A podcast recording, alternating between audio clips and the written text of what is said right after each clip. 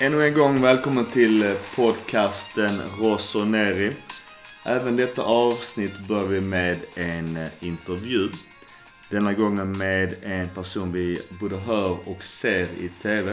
Och det är ingen mindre än Jesper Husfeldt. Okej, välkommen Jesper. Stort tack för det. Du, eh, vi slänger frågorna direkt här och eh, hur kommer det sig att du är milanista? jag är inte milanista. Både i italiensk fotboll och i, i världsfotbollen. Eh, till stor del för att jag hade Milan mycket varmt och nära hjärtat ända från dagarna sedan holländarna köptes in i klubben och jag var liten grabb. Och eh, jag var i Italien 1900 87 på sommaren när, när Silvio Berlusconi köpte de första eh, två holländarna. Och sen så följde jag Milan väldigt eh, tajt i tio år.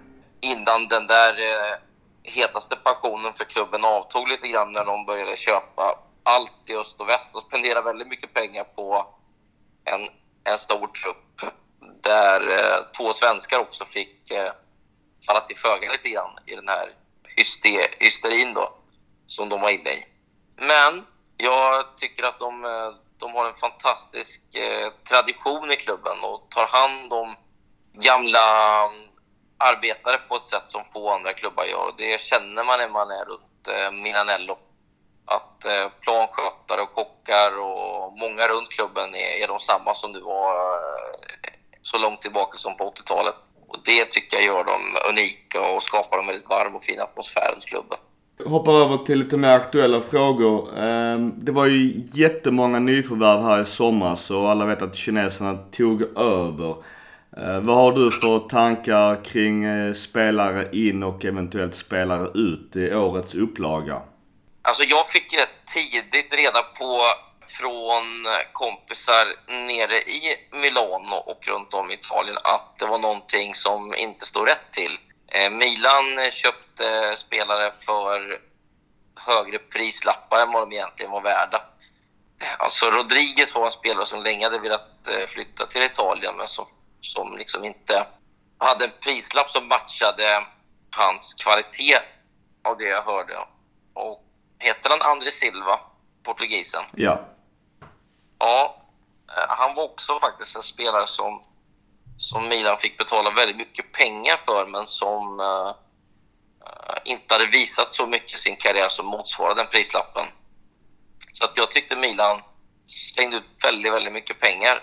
Sen uh, var ju värvningen av Bonucci spektakulär men sett till hans lönekuvert så var det faktiskt många som ändå uh, tvivlade lite grann. Och Eh, ja, det var ju väldigt många spelare som hamnade fel kan man säga tidigt också i Montellas spelsystem och inte levde upp eh, till de höga förväntningarna. Så att på något vis så tycker jag det är sunt att eh, en sån som eh, Cotrone dyker upp som kommer från egna led och är så ung och, och har gjort det så pass bra när man har lagt ut så mycket pengar på spelare.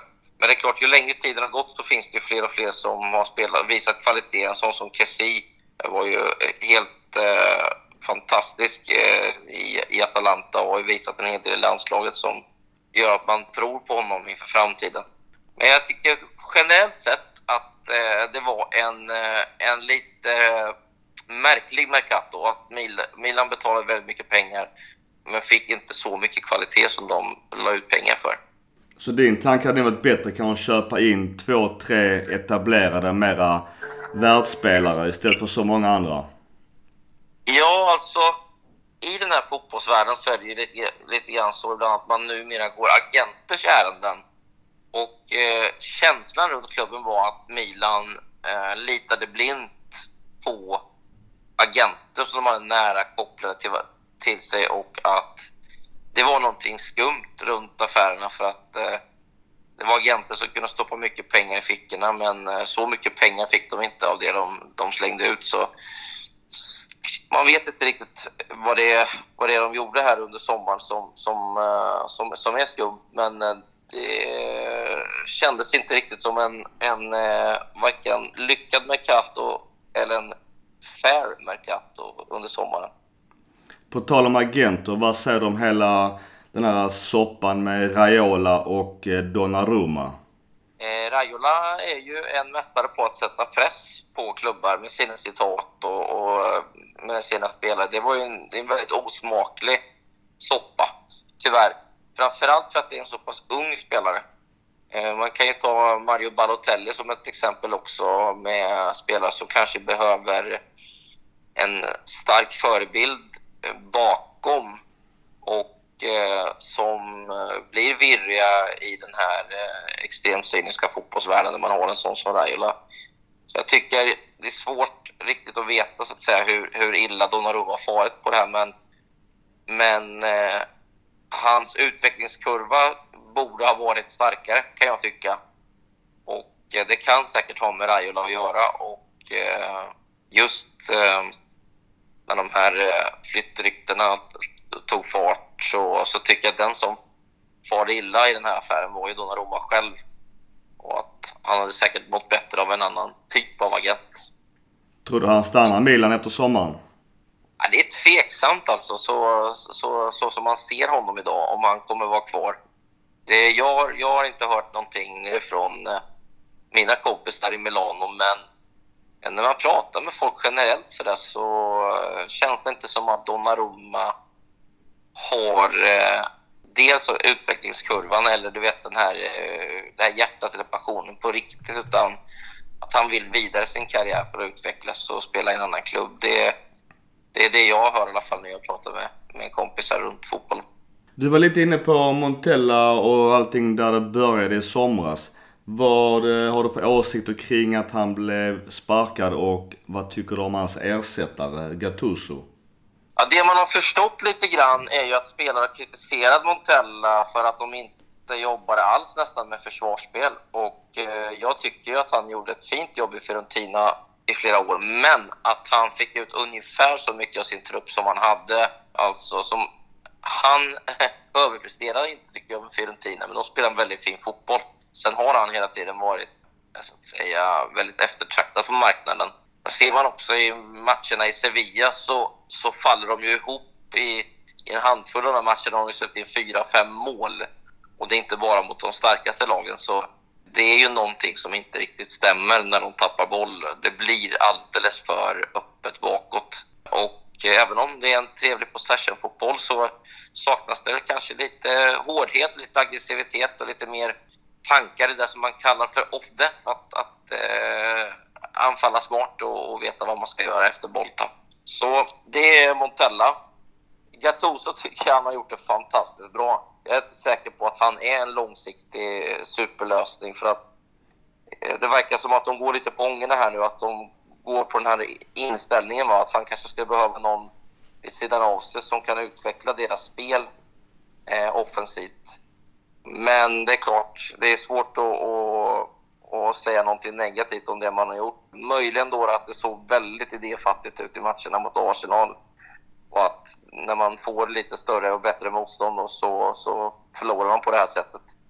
Jag tycker det var en eh, extremt tung förlust mot Juventus som de inte var värda.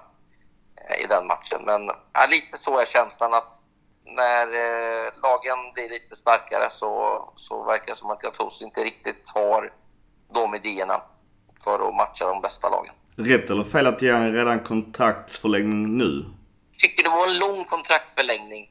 Det är klart att man kan förlänga på ett år och, och kanske ge honom det stöd han behöver för att utveckla hans idéer offensivt. Att eh, eh ge honom kanske en annan tränare som mentor som kan utveckla honom. Det hade jag tyckt var intressant. Men eh, att, att ge honom det här längre kontraktet tycker jag är lite eh, svajigt faktiskt. Det fanns ju en idé tidigt här från eh, den gamla ledningen i Milan att eh, man skulle satsa på en av de gamla spelarna.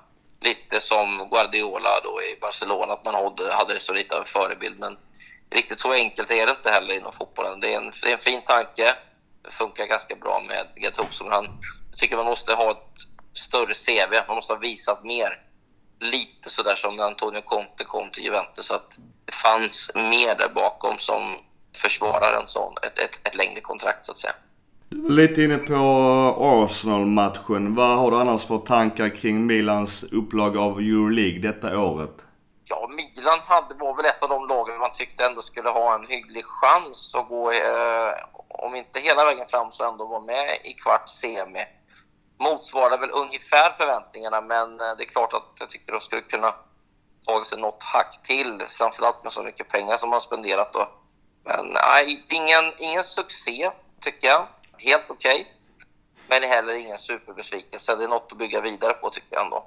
På tal om bygga vidare, vad har du för åsikter kring Milans första 31 omgångar av årets upplaga av Serie A?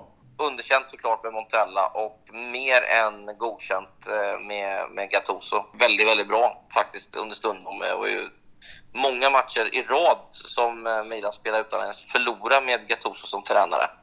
Eh, har ju till och med gjort det nästan omöjliga att få kontakt här med topplagen också. Så eh, man får säga man får dela in det i två olika delar den här säsongen. Och det Gattuso har gjort liksom, resultatmässigt är väldigt, väldigt bra. Det var ju lite olyckligt då, Sassuolo-resultatet. Där hade man behövt knappa in lite grann. Men nu lever ju drömmen om att man ska kunna ta ikapp eh, ett par av de här lagen framför och då, då finns det till och med chans att drömma om en uh, väldigt fin europeisk turnering. På tal om europeisk turnering, vi har ju en eh, cupmatch som väntar mot Juventus. Vad har du för tankar kring den? Inget snack om att eh, Juventus är stor favorit och eh, i någon match så kan ju Milan faktiskt skaka Juventus. Det har vi ju sett här nu. Däremot så, ja, jag, jag håller inte för omöjligt att, att, eh, att det blir lika jämnt som senast. Men så, sen har ju Juventus den här lilla extra spetsen va, som man har visat i sådana här matcher. Så en jämn match, det tror jag att det kan bli mellan de här två. Men jag tror att Juve drar det längsta strået. Det har varit mycket diskussioner kring Milans ekonomi och hedgefonder etc. etc. Vad har du för information eller insyn kring Milans ekonomi och dessa kinesägare? Alltså jag, har, jag har ingen insyn själv, men jag känner ju människor eh, nere i Milano där som följer fotbollen från nära håll och där är ju världen liten och, och det, det, går ju ett snack där om att det var någonting skumt med, med det här eh, kinesiska ägandet, att man har tagit en väldigt stor risk och även äventyrat hela Milans framtid. Att det var liksom inget säkert eh, ägarskap och att det framöver skulle visa sig att man, man behövde en snabb framgång så att säga, att komma ut i Champions League tidigt och, och sådär för att tjäna pengarna tillbaka. Man har liksom inte råd att göra en eller två dåliga säsonger. Så med tanke på det så tycker jag det känns oroligt för klubben i stort eh, och att eh, det vore lyckosamt för Milan om det fanns en mer långsiktig och stabil ägare än, än de som är där idag. Det var ju rena cirkusen i somras med en massa transfer både in och ut. Vad har du för tro eller tankar kring sommarens eh, transfer och att det är VM-år samtidigt? Ja, Depay har jag hört talas om, det har jag läst om. Väldigt osäker värvning. Uh, tycker inte riktigt att, att det, det är... Det känns lite i linje med den här typen av värvning man gjorde i somras konstigt nog en så stabil spelare som Biglia, eh, som borde ha varit den stabilaste av alla värvningar. Till och med han såg ju väldigt svajig ut, men det kanske var framförallt under Montellas ledning då, och att han inte kom in i det så att säga. Men att hitta spelare som är unga, eh, men så, som, eh, som man ser en utveckling i, men som, eh, som känns som mer gjutna succéer skulle vara bra för Milan. Sen man eh, håller sig till att hitta många bra spelare inhemskt tycker jag. Och ska man spela lite sådär gambling och värva internationella stjärnor, då tycker jag då måste man leta liksom ett, ett hack upp på skalan eh, efter större spelare som, som har liksom större meriter eller större omfång i sina karriärer. Liksom mer pålitliga succéer. Pepe Reina verkar vara klar för Milan, vilket också såklart spär på rykten om eh, Donnarumma. Men om man ser till eh, position, vad tycker du Milan bör, bör värva? Ja, den där är intressant med Pepe Reina. Den var ju tidigt klar och eh, precis exakt som du är inne på så spär det på ryktena om, om Donnarumma. I övrigt så, som jag var inne på lite grann där, så tycker jag väl att Eh, man skulle behöva hitta nästa generations eh, vänsterback, kanske Italien. Jag tycker mittbacksidan ser relativt bra ut. Det behövs något i världsklass på, på centralt mittfält och kanske även när det gäller yttrar och en centerforward. Så fyra, fem spelare av, av pålitligt mått skulle behövas för att få in ett lag, tycker jag, för att få ett lag som kan eh, konkurrera om de två, tre bästa positionerna i, i Milan. Du, är något annat eh, dina vänner nere från Milano har att säga om Milan och eventuellt rykten eller framtida nyheter? Det har de säkert. Sen har inte jag uppdaterat mig tillräckligt på eh, sistone, men det är klart att skulle jag höra av mig ner och kika lite så finns det säkert en del. Men jag har faktiskt ingenting i nuläget att bjuda på tyvärr. Du vann oss ditt eh, bästa respektive sämsta eller minst bra personliga minne av eh, Milan? Jag har ju många minnen såklart, men jag är ju kompis med eh, Jesper Blomqvist som var min kollega och Jesper i sig är ju bra kompis med Ibrahim Ba. Ba som jag för övrigt sprang på på ett shoppingcenter i Dubai för inte så länge sedan. Jag var en parentes. Jag har haft diskussioner med Ibrahim Ba via Instagram om att vara ja. med i min podcast. Och hade han nästan på tråden men sen sa han bara, men varför vill han lyssna på mig? Jag bara, det är ju skitcoolt om du vill vara med på, på ett samtal. Men det sen var rann du tyvärr ut i ökensanden. Det var synd. Ja. Han är ju faktiskt en riktigt god gubbe. Jag har ju sprungit ihop med honom en hel del. Han är ju också bra kompis med många av de här eh, gamla, gamla spelarna i Milan. Väldigt bra kompis med Maldini och kompani då. Så att jag har ju fått, i och med att världen är så liten, i och med att Jesper är bra kompis med, med Ibo, som han kallas, så har jag fått träffa de här spelarna eh, vid något tillfälle och framförallt då var inne någon gång och eh, käkade på insidan av Milanello och, och satt med och träffade några av de här spelarna. Det tycker jag var intressant att få liksom en närmare inblick i Milanello så, in, så ut från insidan och även träffa de här professionella idrottsmännen. Det låter ju skitcoolt. Ja, det var häftigt tycker jag. Det var ju då Maldini och, och, och Clarence Seedorf och Gattuso och hela gänget i den där generationen som, som vann så pass mycket. Så det var, tycker jag, speciellt. Fick man ju prata med någon på ett helt annat sätt än vad man gör då när man är journalist. Så då kommer man liksom lite närmare in i fotbollen. Och eh, det, det uppskattar jag mycket. Och det värsta minnet då? Värsta minnet? Ja. Ja, det blir ganska enkelt tycker Istanbul, jag. Jag, jag. jag hade ju eh, såklart ett eh, stort hjärta för Milan i finalen i Istanbul och tycker så här i efterhand också att det var ju till stora delar så att Milan spelade ut Liverpool och tappade matchen i, var det sex minuter kanske? Ja, åtta minuter. Åtta minuter? Mm. Ja, och, och jag satt och såg det här med en kompis som håller på Liverpool och jag trodde liksom knappt mina ögon. Va? Milan hade ju fina chanser efteråt också att göra den här matchen. Men eh, det var som förgjort på något vis. Det skulle inte, det skulle inte gå. Och det var väl ingen kul kväll tycker jag. Man gick och la sig efter den Champions League-finalen. Samtidigt som man får gratulera alla Liverpool-fans så, så nej, det, det kändes olustigt tycker jag. Ja, det var fruktansvärt. Jesper Husfeldt, stort tack för din tid och eh, härliga svar. Det är jag som ska tacka. Så hoppas jag att eh, vi kanske ses en dag på San Siro. Det hoppas jag också. Det går fler resor dit, ja. Jag. Hälsa dina Milanista-vänner i Milano och här hemma i Sverige. Det ska jag göra. Och en trevlig sommar. Detsamma. Ta hand om dig. Detsamma. Du, tack så mycket Jeppe, så hörs vi helt enkelt. Det gör vi då. Tack så mycket du. Ha det fett. Hej då. Tack, hej.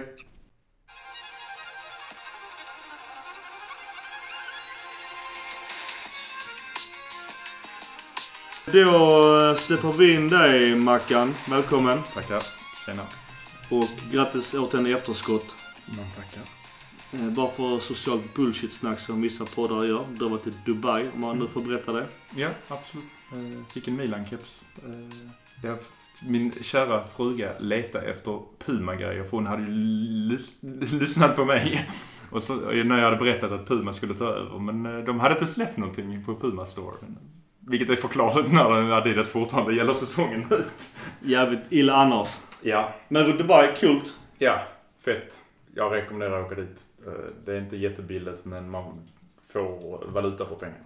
Eh, nu har vi varit sociala nog. Eh, vi är sociala som personer men nu pratar vi Milan. Nu är det allvar. nu är det allvar. Nu, eh, och vi börjar med april. Vad tyckte vi om den?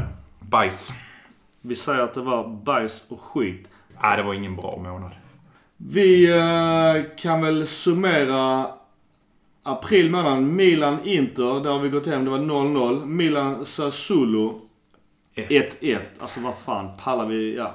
Nej, det är inte lönt att snacka om skiten. Nej, Helt Napoli ärligt. hemma var väl ändå okej med 0-0 någonstans. Ja, det var väl okej, men det var ju för att Napoli var dåliga. Helt Ja. ärligt. Det var inte Milan som var så bra.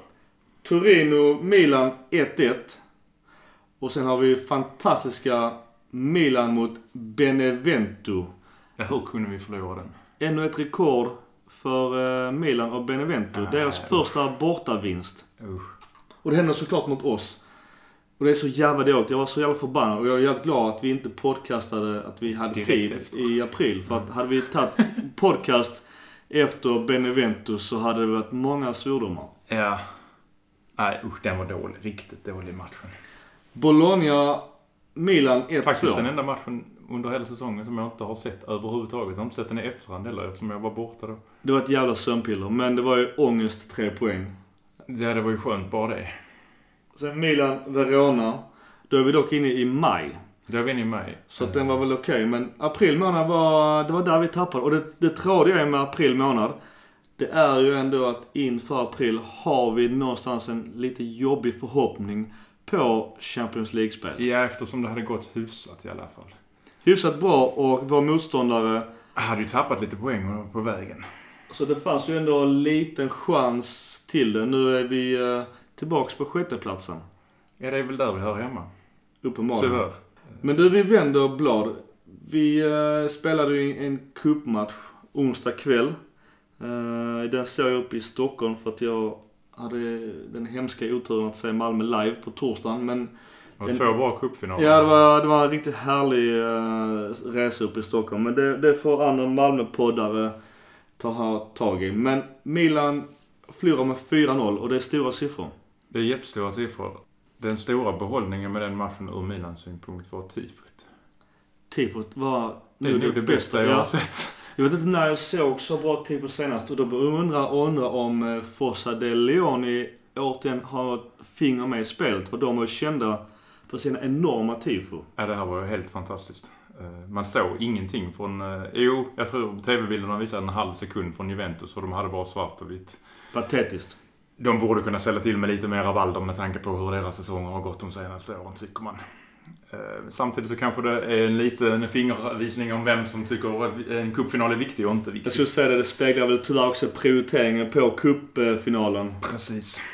Jag vet inte. Jag tycker tyvärr tycker jag att det låter lite likt eh, Montellas presskonferenser i efterhand.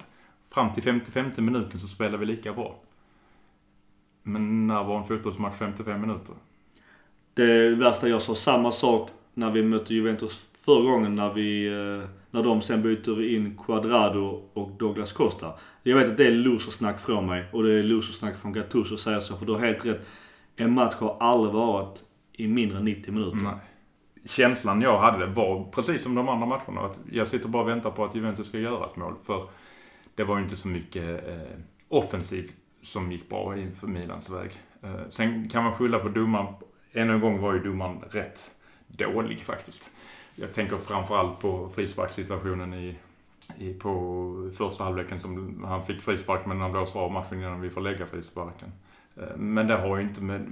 Milan hade förlorat matchen oavsett. Det är förklaringar men, men Juventus hade vunnit ändå även utan Donnarummas två misstag eller Kalles mål som blev självmål dock. Han, det roliga är, Kalanic då, uh, vår demon. Han uh, gjorde ju mål äntligen och det, han hånas ju att han faktiskt gör mål. Men det, som alla sa, det var ju dock i eget mål. Ja. Skit, skitsnyggt mål. Ja. Sen får man ändå ge honom att han gjorde en rätt snygg räd eh, där han eh, dribblade av lite folk i, i Juventus straffområde.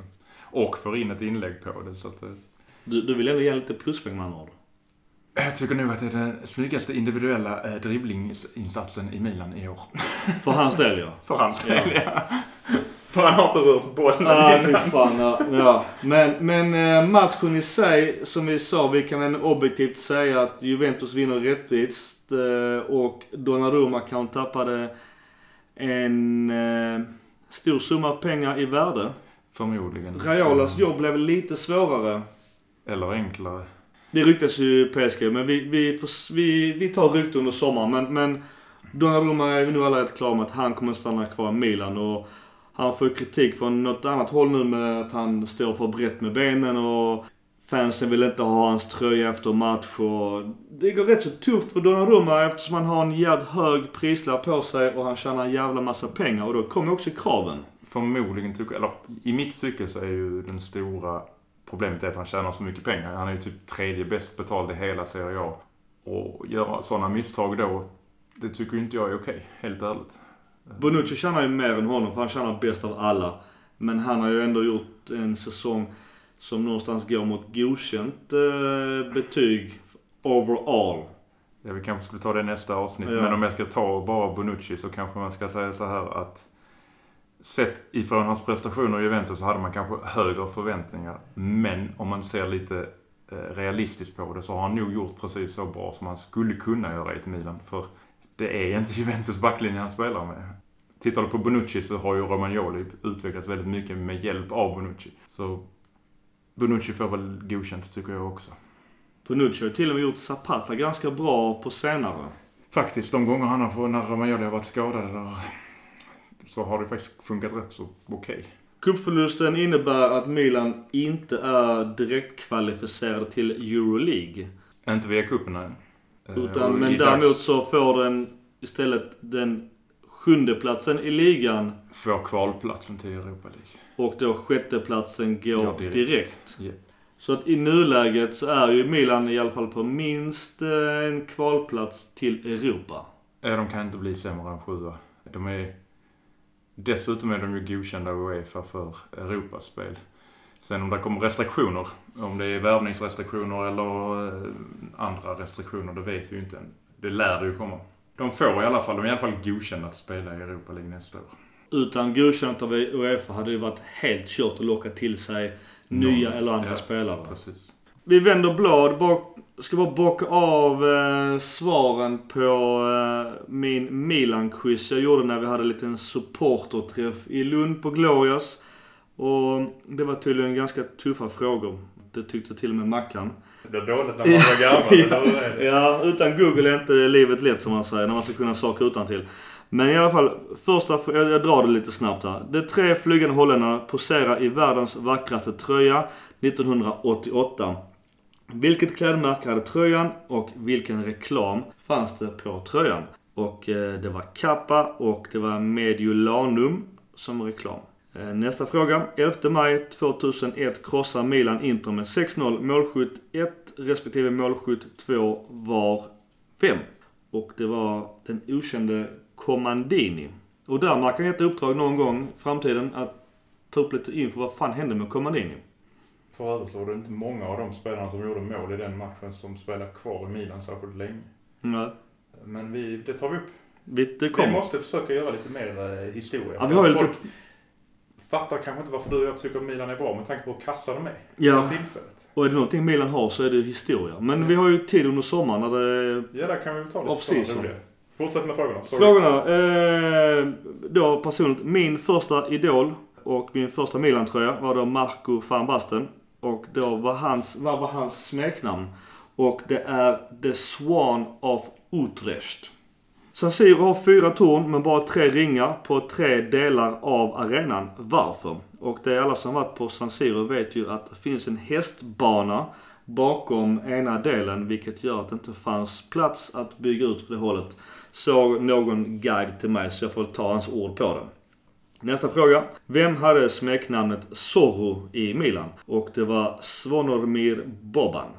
Säsongen 11-12 fuskar domarna. Milan gör ett regelrätt mål hemma mot Juve eh, när det står 1-0. Men som inte döms mål och gentlemannen Buffon hävdar att den aldrig var inne. Vem gjorde detta mål? Och det var ju Montari. Legenden Costa Corta hade ett smeknamn. Vad? Och det var Billy. 16 december 1899 bildade engelsmännen Herbert Kilpin och Alfred Edwards från Nottingham AC Milan som fotbollsklubb. Eh, och vilken mer sport? Och där har jag ju varit lite så snäll och skrivit att det var engelsmän från Nottingham i någonstans tips, kanske långsökt, att det skulle vara en sport som är populär i de engelsktalande länderna och det är cricket. Eh, när Milan firar 100-årsjubileum 1999 hade laget fyra stycken argentinare. Vilka spelare då? En poäng per spelare. Och det var Roberto Ayala, José Chamot, Fabricio Colocini och Andres Gull kallas då Gulli. Jag vet fan hur ens uttalar hans jävla efternamn. Nästa fråga. Saki lämnar tränarposten 1991 från annan Milan-legend. Denna tränare har rekordet i antal förlustfria matcher i Serie A. Vem och hur många matcher? Det var såklart Capello och det var 58 stycken matcher. Franco Baresi. Eh, vilka klubbar har han spelat för mer än Milan? Givetvis en kuggfråga och det är ju inga. Sista frågan. Dagens legend och tränare Gattuso har spelat, eh, har spelat utanför Italien. I då, vilka länder slash klubbar? Och många vet att han spelade i Rangers, men han avslutade i Sion i Schweiz. Tuffa frågor Mackan. Ja, faktiskt. Jag kunde hälften. Utan till. Jag kunde... Argentinerna kunde jag inte en enda till exempel. Nej, ja, det, nej det, det är tuffa frågor Ja. som man säger. Det är roligt, roligt att man lär sig trots att man, man är ju intresserad av klubben. Och det är ändå kul att du hittar frågor som jag lärde mig någonting. man kan sig något nytt varje dag. De säger det. Det gäller bara att komma ihåg det. Vi glider över till uh, gårdagens drabbning mot Atalanta, halvderby, där vi eh, var i Euroleague. Direkt kvalificerade i 92 minuter. Inte i 92 minuter, men efter gjorde 1-0. Ja, Men... eh, jävla eh, rövhål. ja, jag är ledsen. Men eh, Men du har rätt. jag sa ju till dig att jag såg inte matchen live för jag satt i en bil. Så jag valde att lägga ifrån mig mobilen och titta på matchen utan att veta resultatet. Jag ångrar djupt idag att jag gjorde det. Du kastar bort många minuter. Matchen, för det första kan vi väl säga att det är aldrig lätt att åka till Atalanta eller till Bergamo och vinna. Milan har inte vunnit här på Eh, många år. Nej. Atalanta är ett ganska bra lag och jag är imponerad att de lyckas en, vara så högt uppe med tanke på att de tappar en hel del tongivande spelare som Kessie till exempel. Som Som nu gjorde mål. Och inte firade. Det var... Eh, Nej, det är, det är snyggt. Det var snyggt, det är snyggt. Eh, Även om jag gillar när Bonu- Bonucci gjorde det. Ja. Men Men det är mot Juventus, de tycker det, inte det, om. någon där de tycker inte om. Det var inga lätta omständigheter heller för det regnade duktigt. Ja, fy fan vad det Eh, regnade. Bollen flög, alltså den gick rätt snabbt och konstigt och, Men det är ju ingen ursäkt för Milan spelar inte bra. Det, det enda positiva rent i spelet tyckte jag de kanske tio första minuterna var. För där såg det ut som att vi verkligen ville vinna. Sen så kom, det är lite, det är väl det mentala. Eh, bla bla bla, Montella, bla bla bla. Att det är mentalt. Men det är det ju förmodligen. För får de inte utdelning så blir de loja på något sätt. Jag vet inte riktigt. Jag trodde ju ändå att Gattusos grinta skulle smitta av sig så att de inte vågar göra någonting annat. Eh, men jag tyckte när de går in eh, i andra halvlek så ser det ännu lojare ut än det gjorde i första. Det vi kan säga också för att summera matchen, det är väl att det är två spelare som kanske gjorde sin sista match i Milan. I alla fall inte ska vara aktuella för många minuter nästa år. Det är ju Montolivo. Nu fick han rött kort. Det kanske var lite Det var tufft. ganska hårt. Det var hårt, men, men Abate står och... Abates eh, gula kort är inte gult kort. Han tar bollen och han är inte oschysst. Jag tycker faktiskt inte... Det tyckte jag också var lite synd om honom. Hans försvarsspel då, som ändå en försvarare på yttersta nivå i många år. Han står och tittar på. Men det var ju tråkigt och sen så då i nästkommande situation så är det återigen fokus på Donnarumma som återigen fibblar. Han ska Jag väl ta den? Men det ska han ta. Nu, nu blir det så att ja, vi, vi försvarar Donnarumma för att han är ung och han är lite ledsen i ögat nu och vi förlorade kuppen när han gjorde bort sig och det är mycket synd om honom nu och det ryktes PSG och det ena med det andra. Men alltså seriöst. Tjänar man så mycket pengar, han vet ju att det medför krav. Han har ju också mer eller mindre bett om så mycket pengar. Precis. Hade vi inte haft ryktena förra säsongen, eller förra sommaren, för ett transferfönster, så hade ju man kanske förlåtit honom lite enklare också. Och givetvis har Raiola en stor del i det. Han är ju inte en symbol för Milan längre, vilket han kunde ha varit. Och då hade man nog förlåtit honom. Ska man säga något positivt på det totala i den här säsongen för Milans del så har vi ju haft den yngsta startelvan i nästan alla omgångar i Serie A. På tal om positiva. Ja, vi har ju även fått våra siffror när det kommer till eh, publik-average. Vilket är lite roligt med tanke på att det är en match kvar på hemmaplan. eh, Roma som då är eh, en klubb som är uppe och tampar sen bland Champions League-platserna. ligger just nu i snitt på 36 581. En klubb som slår ut Barcelona. Det ska också sägas ja. Det var ju lite förvånande. Men i alla fall. Och gjorde ändå en helt okej ifrån sig i... i... Alltså det, ja, där, just det, det måste jag också säga det här med, vi har ju varit lite video också med matcherna men, men det roliga är att det var ju ganska kritiserat med VAR och video i början av Serie A. Men nu när man ser våra kompisar som är ute och spelar Europaspel och halvt om halvt börjat bort dem. Nu, nu säger inte jag att Liverpool gick orättvist vidare. Nej. Men det har varit mycket diskussioner om den matchen och video. Det ena med det andra och helt plötsligt har nu de insett, insett vinningen med video och hur mycket det kan påverka till det mer rättvisa. Straffar hit och dit, det är klart att det kan eventuellt påverka matcher. Nu blir det istället så att det hänger i luften. Jag såg också en eh, videopodcast här med, eh, med Serie A. Eh, några unga sköna snubbar och några trötta gubbar. Men det var en skön blandning. Och de var ju helt vansinniga på varför har vi inte video? Jo, för att de menar på, nu, nu är det deras bullshit så jag ska inte ta det. Men med video, då kommer kanske inte sådana lag som Madrid, Barcelona och de här giganterna vara kvar i Champions League i slutändan. Jag tror det i och för sig ändå. Men det kommer inte finnas en risk att, vänta du, de här eh, klubben i hyllplanet nedan ska ha en straff som kanske slår ut dem. Och det förlorar ju Uefa pengar på, så det är kanske därför de är lite negativt inställda till det, men... På tal om fusk, äh, fjärdeplatsen Juventus. 38 868. Min son, han är fyra år gammal, han kallar Juventus för tjuvarna från Turin. ja, men det handlar om god uppfostran. Ja, det bra. Eh, tredje platsen eh, är Napoli. Eh, 42 587. Nu kanske de hörs mer än så. Förmodligen, ja. Men sen är andra platsen äger Milan. Och vi ligger på 52 453. Jag tycker det är en schysst siffra med tanke på hur säsongen började. Eh, givetvis har det väl ökat eh, något sen Gattuso tog över. Bara för att det är Gattuso. Eh, men även för att det gick lite bättre ett tag. Som vi pratade om inför poddandet. Att Inter då leder med 57 010 i snitt. Delvis beror det ju på att San Siro är väl klart största arenan i Italien. När det gäller åskådarmässigt. Det är ändå fint att två Milanoklubbar ligger högst upp med tanke på att inte det har gått bra, jättebra för båda klubbarna. Och nu återigen till april månad som blev ganska decisive för vår säsong om man sen ska summera det. Men om man leker med tanken, hade man kanske tagit de här trea mot Benevento, Torino. Det hade varit helt andra siffror nu på den här tabellen. Ja. För det är fortfarande, alltså visst man kan tycka och tänka vad man vill om eh, average publik, stämning etc. Men mm, Alltså fotboll är ett företag och för varje jävla plupp på åskådarläktaren är pengar. Såklart. Inte bara matchbiljett utan det är allt runt omkring också. Ja, absolut. Så man måste tänka lite större där än bara just svart på vitt i en siffra. Nej. Och då över 50 000 detta året är ju en eh, bra siffra med tanke på historiken.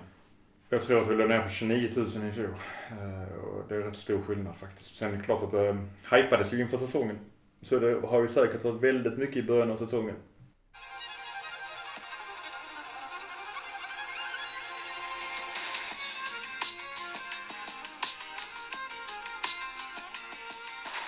Okej Mackan, vi vänder blad.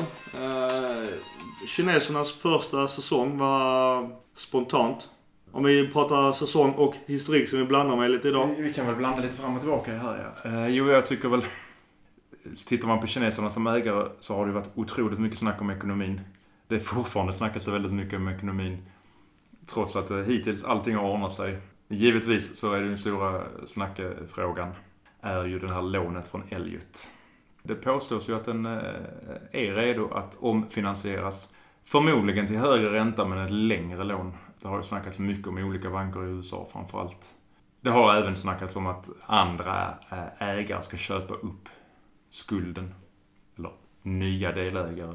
Det har varit många rykten kring just eh, eventuellt ny ägarfråga. Ja, det är Men- inte så konstigt med tanke på rykten. Eller egentligen är det konstigt med tanke på att allting har löst sig.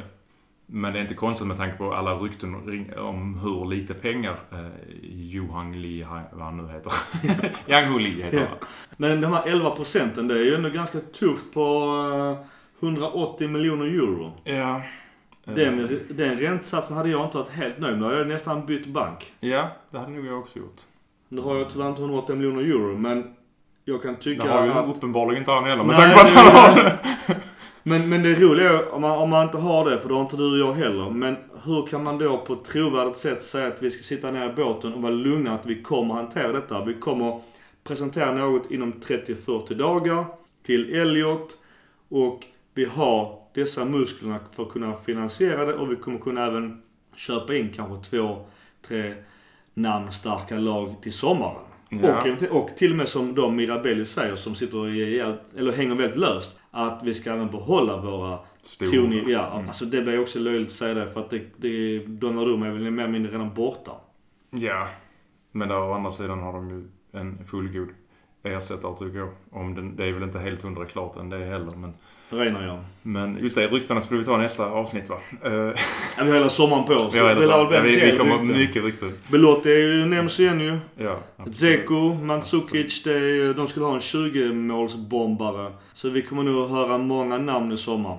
Just det är ju ett stort problem. Ingen av Milans spelare ligger på topp 15 i mest gjorda mål i Serie A och det säger ju en hel del. Inte ens Kalanic kommer upp i 20 mål ett år. Inte ens 20 självmål i år. nej. Men eh, vi går tillbaka till kineserna så eh, får man väl säga att eh, det är oroligt på den ekonomiska biten. Jag sa det till dig någon gång att kineser eller araber eller vem fan som helst, helt ärligt, ryssar. Om ni nu ska ha ägare som ic- är icke-italienska så se till att ha ägare som har massvis med pengar. Tycker jag. Som Berlusconi. Eh, Ja, fast det, det konstiga i det här är ju att varför säljer Berlusconi till någon som inte verkar ha pengarna? Det tycker jag är lite märkligt. Om inte han har eh, blåljugit för Berlusconi på något sätt. Och då har ju han blivit blåst. Och Berlusconi försäkrade oss fans över hela världen Precis. att det- han skulle sälja till rätt ägare som hade Milan-hjärtat som ville satsa. Visst, med facit i hand så de la in två miljarder. Precis. Men vi är fortfarande på sjätte plats. Ja. Hur vi än vrider och vänder på det. Så är vi inte bättre än förra säsongen. Nej.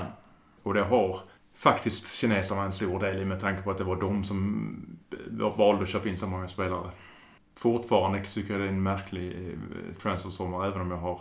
Jag försöker rannsaka mig själv. Jag var ju rätt så glad förra sommaren om jag nu tänker efter så här. Men, och kan väl delvis fortfarande hålla med med min slutsats att de flesta spelarna vi har idag är bättre än de vi hade förra säsongen. Men allt på en gång var nog lite dumt. Kanske bättre att köpa något färre och lite bättre. Och framförallt ha en klar spelidé, en formation och köpa spelare ut efter det. För Gattuso har ju faktiskt, likt Montella, gått ut och sagt ska jag spela 4-3-3 så har jag, måste jag använda Suso och, och Hakan. Det är ju Mirabellis fel lite grann då om, han, om de vill spela 4-3-3. Jag vet inte vad de vill. Jag tror inte de hade någon idé. Jag tror faktiskt som att många har sagt de högg på det de gick, gick att hugga på helt enkelt. På tal om Suso så vill han ju stanna kvar säger han. Vilket känns ju lite eh, konstigt. Det kommer nog inte bli så ändå. Med tanke på att han... Han Hans kvalitet. låg utköpsklausul. 40 miljoner euro kommer ju nog många vilja köpa honom för. Det ryktades ju tillbaka till Liverpool Ja. igen. Vet inte om de behöver någon på den positionen. Det beror på vad de måste sälja. Men Men tänkte på annars så ekonomin är vi... Inget nytt alls, inget vi behöver rapportera. Vi är rätt färdiga med den punkten. ja, de, Det är liksom stående punkt i protokollet. De kom väl fram till att det gick minus i år igen såklart. Men att det faktiskt var något lägre än åren innan under Berlusconis senaste år. Och då satsar ju inte Berlusconi mycket pengar på klubben. Man kan väl ändå summera att Uefa har ändå godkänt oss att spela i League nästa år. Vilket är ju också ett kvitto på att det inte är katastrof. Precis. För annars hade Uefa, Då hade de ju förmodligen tvångsredigerat oss. även, även om Milan är en så pass stor klubb och de vill nog gärna ha med Milan med tanke på som sagt ett ganska hyfsat publiksnitt och fortfarande ett storlag. Det kommer det alltid vara tack och lov. Även om det är på dekis nu. Men de vill ju se Milan i Europaspel. Oh ja, det är klart de vill. De är fortfarande med i de här eh, G14 Ja, heter det? Ja. Givetvis på grund av att de har haft en historia där de har vunnit mycket. Det var ju Wenger som var ute nu och Wenger ska väl kanske hyllas lite kort så efter alla sina. Om han var ute nu återigen och sa det kommer nog bli en europeisk superliga förr eller senare, eller väldigt snart. Men jag kan till och med tänka mig om Milan någonstans köper lite vettiga spelare så kan jag tänka mig att Milan ur historisk synvinkel och fansmässig bas under världen mycket väl så skulle kunna vara ett lag för en liga. Innan var ju då en självklarhet. För Berlusconi pratade man ligan redan för 10 år Oh sedan. ja, då var det, ju- Men men då, kan- då slutar vi ju alltid topp tre. Ja. Vi spelar ju alltid Champions League. Ja. Och vi var alltid bra i Champions League. Ja. Men jag kan tänka mig, ren gissningsvis, utifrån alla dessa aspekterna som man bakar in i det hela och även läget, läget i sig i Europa så tror jag mycket väl Milan kan vara ändå ett lag i den här superligan. Ja, det tror jag. Sen blir vi sist varje år, mycket möjligt med tanke på hur det kan se ut. Men jag tror Milan ändå kommer vara där. På Om gamla meriter, På absolut. gamla meriter såklart. Men det är just... Bildar du en sån superliga så handlar det ju mest om hur mycket pengar du kan tjäna runt omkring det. Och då är ju fortfarande Milan en stor, ett stor, storlag. Absolut. Jag tror ju att de säljer mer än vad Roma gör. Det är jag helt övertygad om. Eh,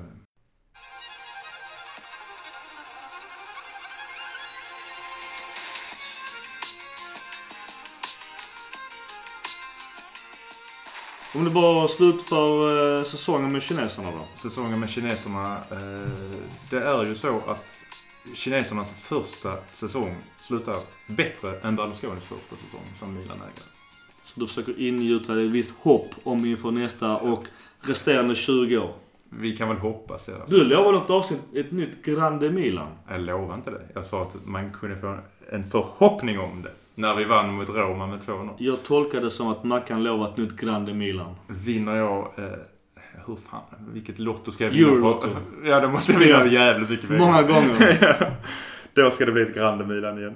Eh, men i alla fall, de har högre placering i ligan än vad Milan kom under Berlusconis första säsong. Och en cupfinal som spelades eh, under deras första säsong. Och det gjordes inte under eh, Berlusconi. Du Mackan, vi tar ett litet break för reklampaus. Vad gör vi reklam för idag? Jag ska bara se vad du sa. Nej, vi, vi, nej. Det, det var ett, Lunds kommunala det var ett vatten- skitdåligt skämt. Jag trodde du skulle ha någon mycket roligare reaktion än så. Ja, ja, förlåt. Ja. Men i alla fall, vi vänder blad. Det har vi gjort många gånger. Jag vet. Sista matchen möter vi ju Fiorentina och de eh, är på åttonde plats och har ingenting att spela för. Nej, de har ingen chans. att- Kanske inte helt gjuten, men Atalanta som nosar oss i hälarna. De har ju Calgary som ligger på 16 plats. Men det är ju ett getingbo för att Cotrone, Cotrone på 18 har 35 poäng. 17 plats Spal har 35.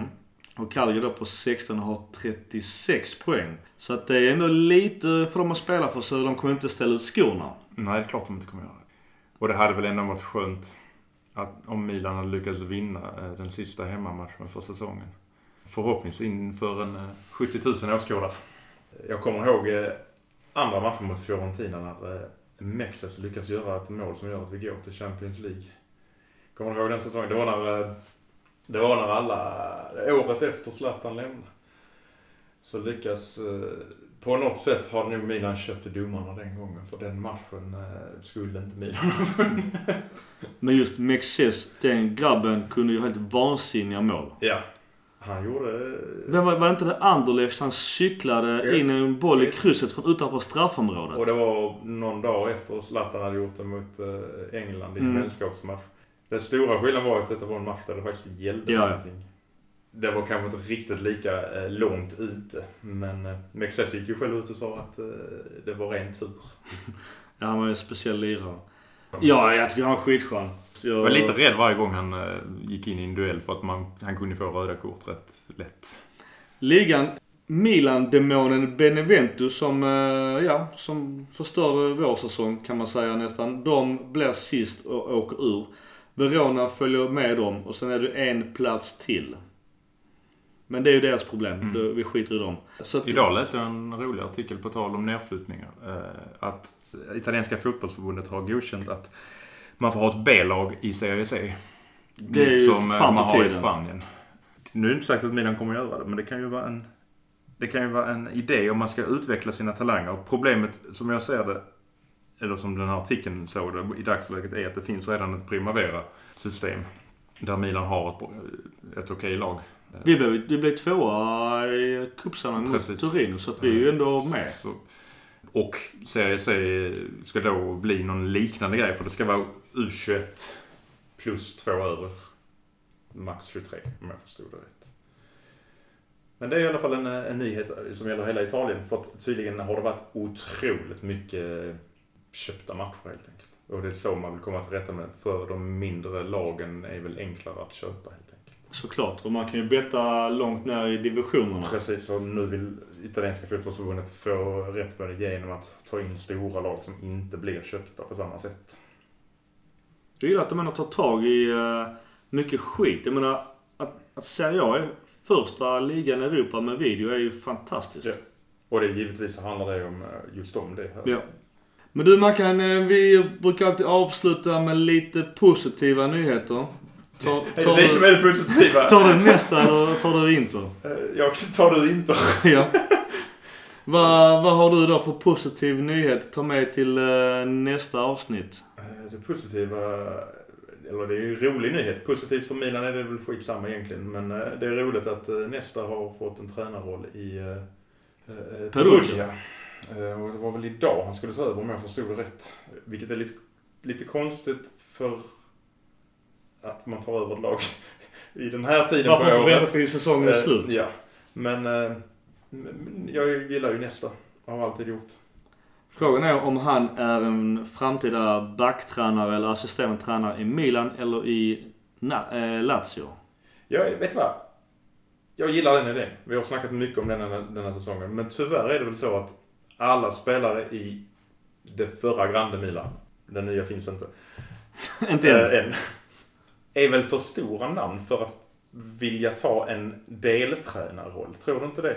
Tyvärr har du nog rätt. Men jag, jag förstår inte den prestigen. För jag menar, Inzaghi, den kostymen var ju helt för stor för honom. Oh ja. Brocchi, Cedorf, alltså listan är ganska lång. Gattuso har ju ändå... På tal om kostymer som är för små. Gattuso måste ju ha andra kläder på sig. Han ser nästan lite tjock ut. Han ser tjock ut. Ja. Var Eller har han blivit tjock? Ja, han har nog blivit lite större, det kan jag tänka mig. Han har väl ett par restauranger han äger själv. Jag var inne i eh, eh, Diesel Store i Dubai och kollade på Milan-kollektionen. Jag gick därifrån för det där kunde jag inte köpa. Det är jättefult. alltså jätte... Inte ens med välvilja vi kunde jag ha köpt. Jag klarar bara att skratta min fru. Ja men Diesel har väl snygga jeans, det är väl det. Precis. Min positiva, det är ju att Inter, vår kusin, fick stryk. Så att de ligger fortfarande på platsen utanför Champions League. De har ju en direktmatch mot Lazio. Som blev ju jättetajt. Eh, Lazio har ju bättre målskillnad. Går man på inbördesmöte? Ja, jag vet inte fan hur det är med det.